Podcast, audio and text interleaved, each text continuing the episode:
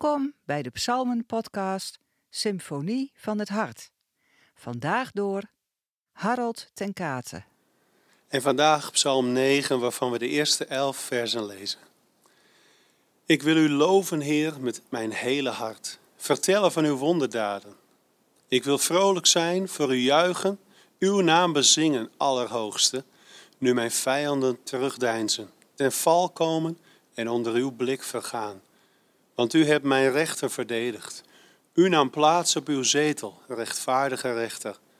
U hebt volken bedreigd, goddelozen omgebracht en hun namen uitgewist voor eeuwig. De vijanden zijn verslagen, uit de herinnering verdwenen. U vaagde hun steden weg, ruïnes voor altijd. Zo vergaat het hun. Maar de Heer zetelt voor eeuwig. Zijn rechterstoel staat onwrikbaar vast.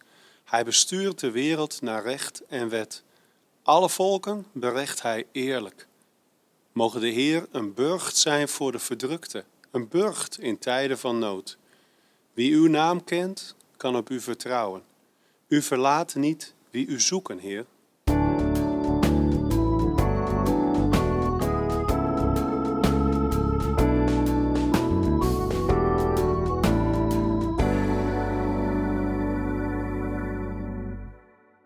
Gisteren lazen we in Psalm 8 hoe God de mens heeft bedoeld. Bijna goddelijk gemaakt en toch opkijkend naar de hemel, naar God die boven alles staat. Psalm 9 laat ons zien wat er gebeurt als mensen dat perspectief verliezen. Onrecht, geweld en onderdrukking voeren de boventoon in deze psalm. Nu leven wij, ondanks frustrerende coronamaatregelen, nog altijd in een vrij land met rechtsbescherming op allerlei gebied. Maar wat als die rechtsorde er niet is?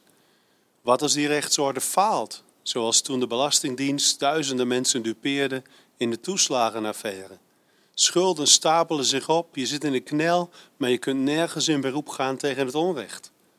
Of wat als je in Brazilië woont, waar internationale sojabedrijven zich steeds meer hectares bosgrond toe-eigenen en ontbossen, waarbij ze weerloze armen van huis en haard verdrijven.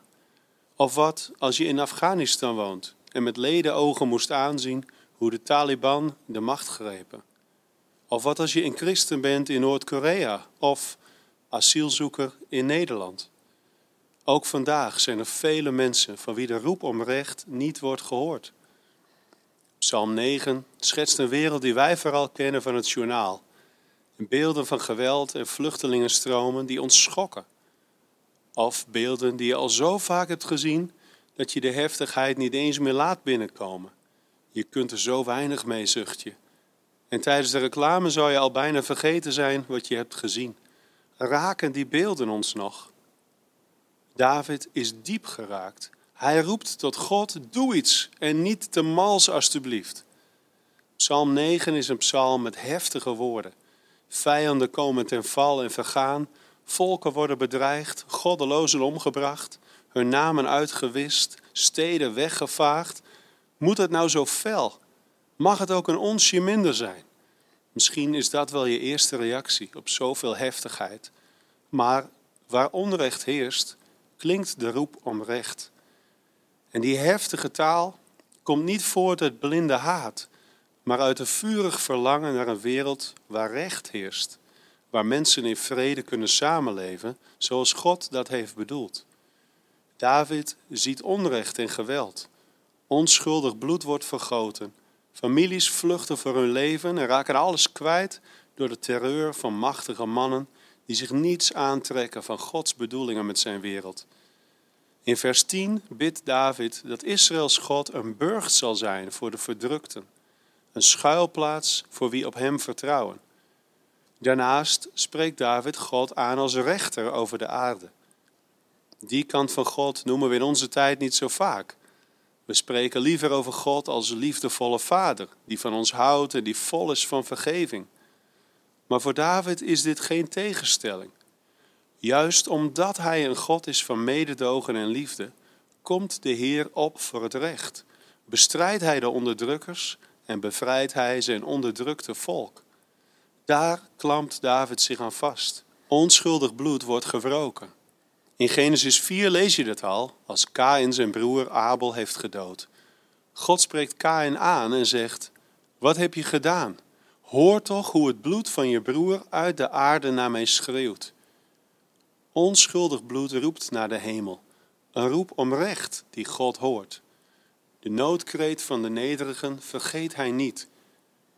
Zelfs als er geen menselijke rechter is die de misdadigers ooit zal kunnen veroordelen, God zelf doet recht. God zou geen God van liefde zijn als hij het kwaad ongestraft liet. Hij zou geen God van trouw zijn als hij zijn mensen niet recht zou doen. Maar God vergeet de armen niet. Voor de zwakken is niet alle hoop verloren, weet David. Bijzonder is dat hij niet mensen oproept om dan maar de wapens op te nemen, maar dat hij God vraagt om in te grijpen. In de versen 20 en 21 lezen we: Sta op, Heer, laat de macht niet aan mensen. Mogen de volken berecht worden in uw aanwezigheid. Jaag ze angst aan, Heer. Ze moeten weten dat ze mensen zijn. Want is dat niet precies wat die goddeloze onderdrukkers vergeten? Zij menen dat ze aan niemand verantwoording hoeven af te leggen. Ze zijn zichzelf immers tot wet. David roept God op tot actie. Hij moet die machtige mannen maar eens flink wakker schudden. Ze moeten weten dat ze mensen zijn, net als hun slachtoffers. Ze moeten weten dat ze mensen zijn. Mensen zoals Psalm 8 ze gisteren al schetste. Klein en nietig in dat immense heelal en toch van oneindig grote waarde. Door God gezien, geroepen om in deze wereld omhoog te kijken naar God en om zich heen te kijken naar een medemens. Nederig te wandelen met de God die ons gemaakt heeft, om Hem en onze medemens lief te hebben en recht te doen. Wie vergeet dat Hij niet alleen zelf, maar ook zijn medemens, beelddrager van God is, bijna goddelijk gemaakt, ligt op ramkoers met Gods wil voor zijn wereld. Dan verdrukt de ene mens de andere worden rijke mensen rijker over de ruggen van de armen. Dan heerst het recht van de sterkste en de rijkste, wordt macht misbruikt en raken kleine mensen vermalen tussen de wielen van corruptie, zelfverrijking, onrecht en geweld. Deze heftige psalm vuurt ook in ons een verlangen aan naar het rijk van recht en vrede dat God in zijn woord belooft. Jezus leert ons bidden: Laat uw koninkrijk komen Laat uw wil worden gedaan op aarde, zoals in de hemel. Tot aan die dag dat de aarde volstroomt met Gods heerlijkheid, schakelt God ons in bij de verhoring van dit gebed. Hoe dan?